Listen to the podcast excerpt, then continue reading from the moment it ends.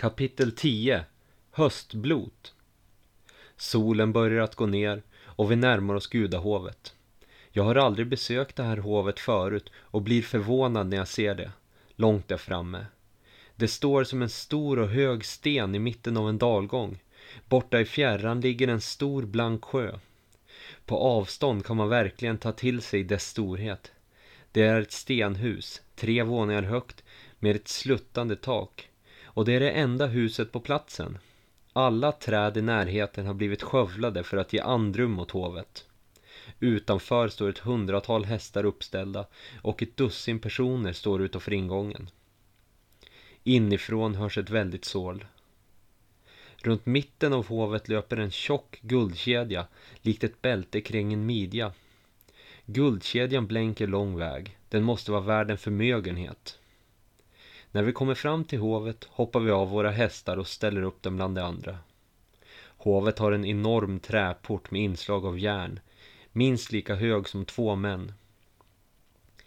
Det är ett stort och livligt träd inristat på den. Det är sannolikt världsträdet Yggdrasil. Jag och Blotragnar tar tag i den ena stora järnringen på portens ena sida och drar allt vad vi kan. Det krävs mycket styrka för att öppna den stora porten. Den öppnas sakta. Där inne är det fullt med folk, flera hundra, en tredjedel kvinnor. Några upppasserskor springer runt bland borden och fyller på dryck och mat åt gästerna. Det är livat med trummor, skratt, sång och högljutt prat.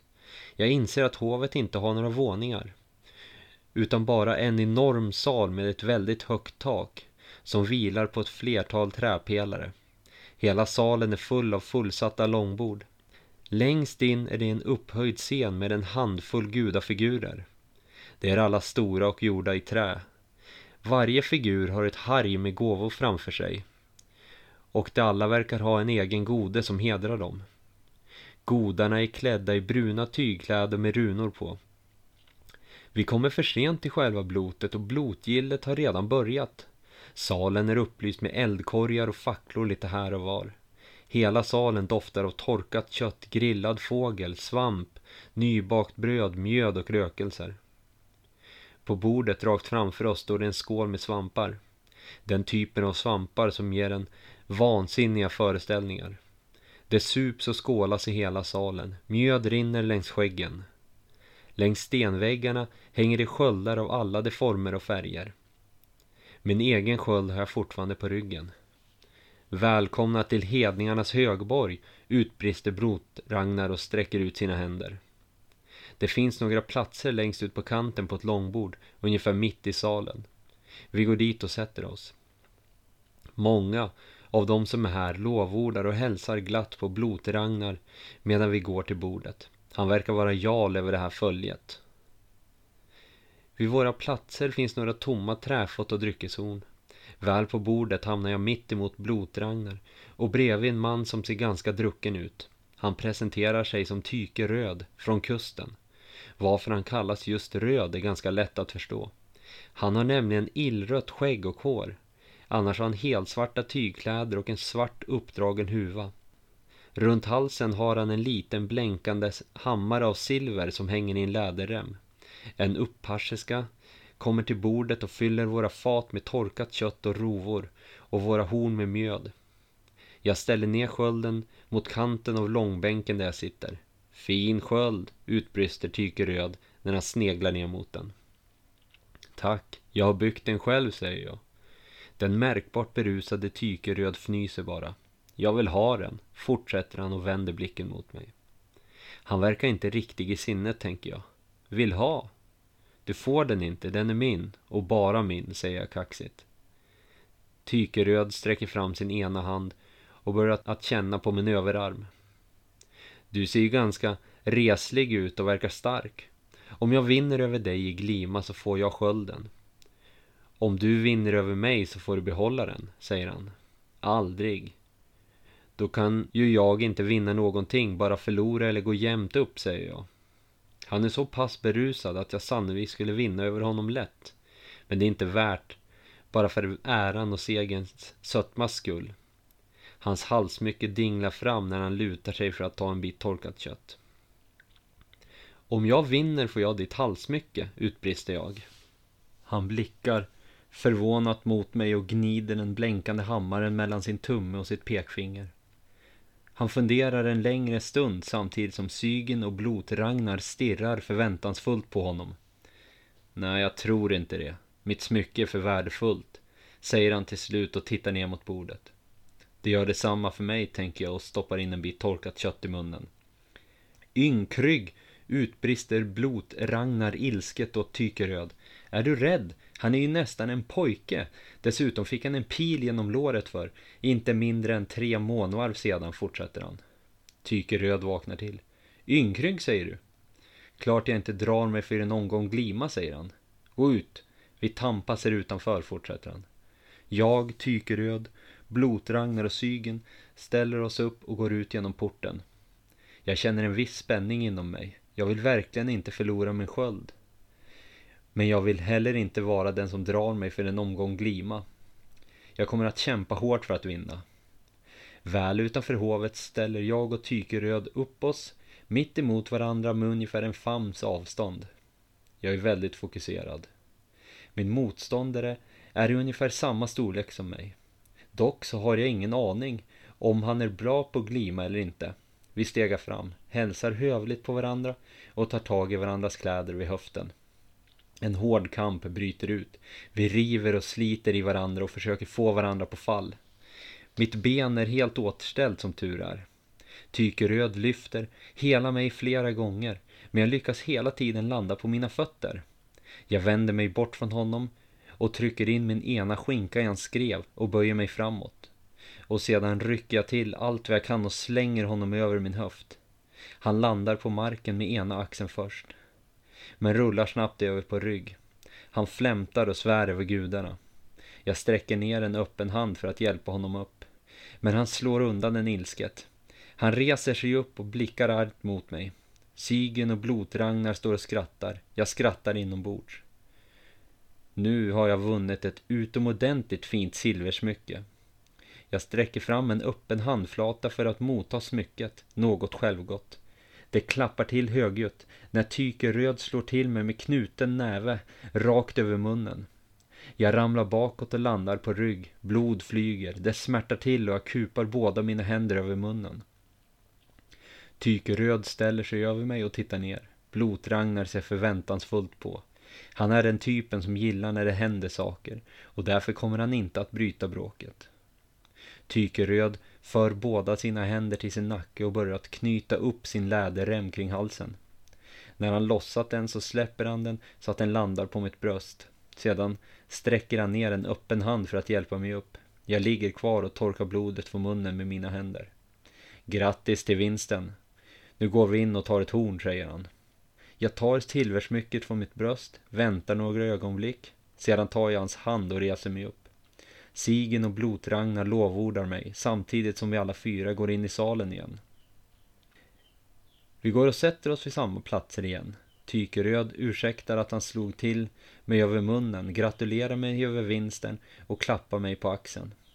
Det där silversmycket fick jag som betalning för att jag lät en man färdas med mitt skepp. Han var bannlyst i trakten kring kusten och jag förde honom till ett närliggande land. Jag frågade dock aldrig varför han var bannlyst. Men med tanke på hur mycket rikedomar han hade med sig så kan jag tänka mig att han var tjuv eller något, säger han. Silversmycket och läderremmen håller jag i min knutna hand. Det ligger en liten kniv på långbordet. Den ger mig en idé. Jag tar kniven och skär av läderremmen så att ungefär bara en tredjedel återstår. Sedan knyter jag fast den i skägget. Nu har jag både en liten guldring och en silverhammare fastknutna i skägget. Leif smyckesskägg, utbrister Blotragnar. Vi äter, dricker och skålar ihop hela natten. Tykeröd verkar vara vettig. Även fast han tidigare slog mig blodig över munnen. Blotragnar berättar att hundra stycken av de som är här är hans följe. De andra är bara besökare till blotet. Alla som ska rida i följet ska stanna i hovet över natten. De andra börjar sakta bli färre, då vissa börjar att röra sig hemåt. Ljudnivån sänks och salen blir stillsam. Jag känner mig ganska dåsig av mjödet. Det är nog hög tid att sova, tänker jag. Jag gnider den nyvunna silverhammaren mellan min tumme och mitt pekfinger ett tag innan jag lutar mig fram över långbordet för att sova. Jag lägger mitt huvud i mitt ena armveck och sluter ögonen. Blotragnar, Sygen och Tykeröd fortsätter att prata med varandra. Jag vaknar upp nästa morgon. Det är ett hundratal personer i salen, nästan bara män. Och nästan alla sover. Solen lyser in genom den stora öppna porten. Det är helt tyst förutom lite snarkningar, rosslingar och gäspningar. Jag tittar mig omkring. Blotragnar och Tykeröd sover djupt, men Sigen är inte kvar på sin plats. Märkligt att hon har lämnat mig utan att säga farväl, tänker jag. Jag går ut ur hovet för att ta lite frisk luft och för att tömma blåsan ut i det fria. Utanför står alla hästar uppställda. En handfull män går omkring och ger dem hö och vatten. Det luktar hästdynga i luften. En slaktad gris snurras på ett järnspett ovanför en eld. En stor gryta havregrynsgröt kokas över en annan. Ett par korgar med svampar står utanför porten. Den stora guldkedjan som löper runt hovet blänker i solen. Efter att jag har tömt min blåsa går jag in igen. Jag går fram till den upphöjda scenen med gudafigurerna på. Det är nio stycken. Tyr, Frej, Oden, Frigg, Tor, Freja, Brage, Ull och Heimdal. Man känner igen dem via deras attribut. Tor har sin hammare, Ull har sin pilbåge, Heimdal har sitt horn och så fortsätter det. På hargen framför dem ligger det gåvor av alla de slag. Små knivar, mynt, blommor, ostar, torkade bär, små träfigurer och smycken med mera. Jag går fram till Oden, den största av alla asarna och lägger min hand på hans träiga yttre och ställer mig på huk. Häll Oden, hör mina ord. Ge mig styrka för det som komma ska, viskar jag för mig själv. Jag vänder mig om och ser att Blot-Ragnar har vaknat. Han sitter på samma plats som tidigare och gäspar. Det är väl dags för frukost snart så jag går och sätter mig vid långbordet mittemot Blot-Ragnar igen. Han blickar upp och ser yrvaken ut. Kanske fick han för mycket av det goda igår. Hon la en hand på ditt huvud och tog farväl medan du sov, säger han. Jag förstår direkt att han pratar om Sygen. Fler och fler vaknar till. Vissa verkar slitna. En handfull uppasserskor går runt och städar och plockar bort dagens blotgille från långborden. Efter det städat och torkat långborden så bär det fram rena träfat, träslevar, horn och baljor med friskt vatten. Efter ytterligare ett tag så kommer det in med flera tråg av havregrynsgröt, lammkött med dill och fat med fläsk som portioneras ut bland långborden. Även stora skålar med en blandning av ärtor, gul lök, purjolök, hackade morötter och vitkål ställs ner på borden. Alla i hovet har nu vaknat och sitter och äter. De nio godarna sitter vid ett enskilt litet bord i ett hörn. Salen fylls med ljudet av smaskande och träslevar som slår i träfaten. Plötsligt ställer sig Blotrangar upp. Han har inte ens ätit upp gröten och går mot den upphöjda scenen längst in i hovet. Han kliver upp på den och ställer sig bland gudafigurerna. Lystring, hedniska kämpar, ropar han. Smaskandet och ljudet från slevar upphör. Alla vänder sina blickar mot honom. Först imorgon rider vi ut. Vi ska befria landet från korsbärarnas ondska. Men för att lyckas med detta så måste vi hedra gudarna. Därför utlyser jag en ytterligare dags och natts blotande och festande, fortsätter han. Han möts av glädjerop och lovord. Imorgon rider vi mot platsen där korsbärarna slog oss för tre månader sedan. Hämnden ska bli vår, ropar Blot-Ragnar innan han kliver ner från scenen. Han kommer tillbaks till långbordet och sätter sig. Snart ska vi befria din bygd en gång för alla, om gudarna vill, säger han till mig. Jag blir helt upprymd. Då behöver jag ett vapen, utbrister jag. Blot-Ragnar ser fundersam ut och drar sina fingrar genom sitt skägg. Som han brukar göra då han funderar. Han ställer sig upp, går iväg och kommer tillbaks efter en liten stund. I sin hand har han ett spjut, ungefär en famn långt, kanske något kortare. Det är gjort av trä och har en spets av järn. Tack, säger jag motvilligt när han sträcker fram det till mig. Det duger, fast jag hade hellre fått ett svärd, en yxa eller en spikklubba. Jag är inte så van vid att använda spjut. Det blir alltså ytterligare en dags blotande. Då måste jag hitta någon gåva att ge till gudarna, tänker jag. Jag äter upp gröten och fläsket och sveper ett horn med vatten som jag fyllt från en balja. En korg med svampar får duga som gåva till Oden. Jag äger ju trots allt inte så mycket och mina vapen behöver jag och smyckena i skägget vill jag helst behålla. Jag tar mitt dryckeshorn, det får bli min korg, min sköld och mitt spjut och går ut ur hovet. Jag behöver inte alls gå långt in i skogen innan jag stöter på ett långt gånget kadaver av en kronhjort. Det är nästan bara benen kvar. De stora hornen sticker rakt upp som två trägrenar. Jag begrundar ett tag, undrar vad som har hänt den. Jag lägger ner mitt spjut och tar upp en kantig sten från marken. Jag böjer mig ner över kadavret och börjar att hugga, krossa och bryta loss hornen. När jag väl har brutit loss ett stort horn från kraniet så fäster jag det i mitt bälte. Sedan tar jag upp mitt spjut och går vidare för att plocka svamp. Det tar ganska lång tid att fylla mitt dryckeshorn. Jag hittar bara enstaka små kantareller. Det växer glest här, men till slut blir ändå hornet fyllt och jag beger mig tillbaks till hovet. Jag kommer tillbaks till hovet och går raka vägen in till den upphöjda scenen längst in. Varje gudafigur har nu en gode in till sig. Blotgillet verkar redan ha börjat och hela salen luktar mjöd.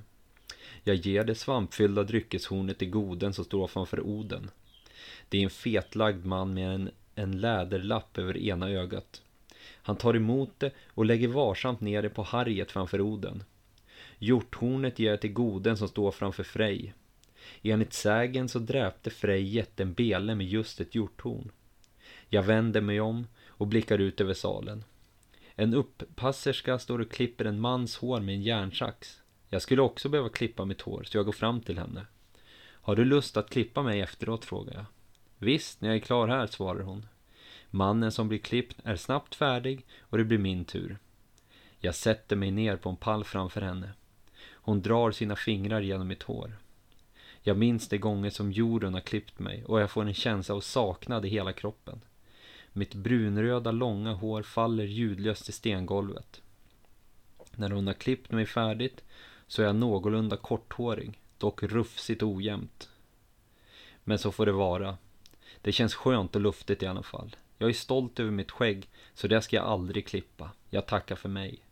Jag går och sätter mig vid min plats, vid långbordet mittemot Blotragnar och bredvid Tykeröd. Vi skålar ihop. Horn efter horn med mjöd. Efter ett tag kommer upppasserskorna in med bröd och tråg med grillad kyckling. Folk börjar att bli berusade. Ljudnivån stiger, vissa somnar och andra börjar att slå på trummor. Blotgillet är i full gång igen. Vi äter, dricker, skaldar, sjunger och festar för fullt. Mjödet är slut, ropar en upppasserska. Det blir knäpptyst i salen. Ni har druckit som svin i två dagar, så nu är allt mjöd slut, fortsätter hon. Tystnaden bryts ett tag ut mot klagorop och jämrande. Blotragnar och Tykeröd ser helt uppgivna ut. En handfull män börjar att slåss om en skvätt kvarglömd mjöd som står på ett långbord. Då finns det väl ingenting att göra förutom att sova och vila upp sig inför imorgon. Som vanligt lutar jag mig framåt över långbordet och lägger mitt huvud i ena armvecket och sluter ögonen.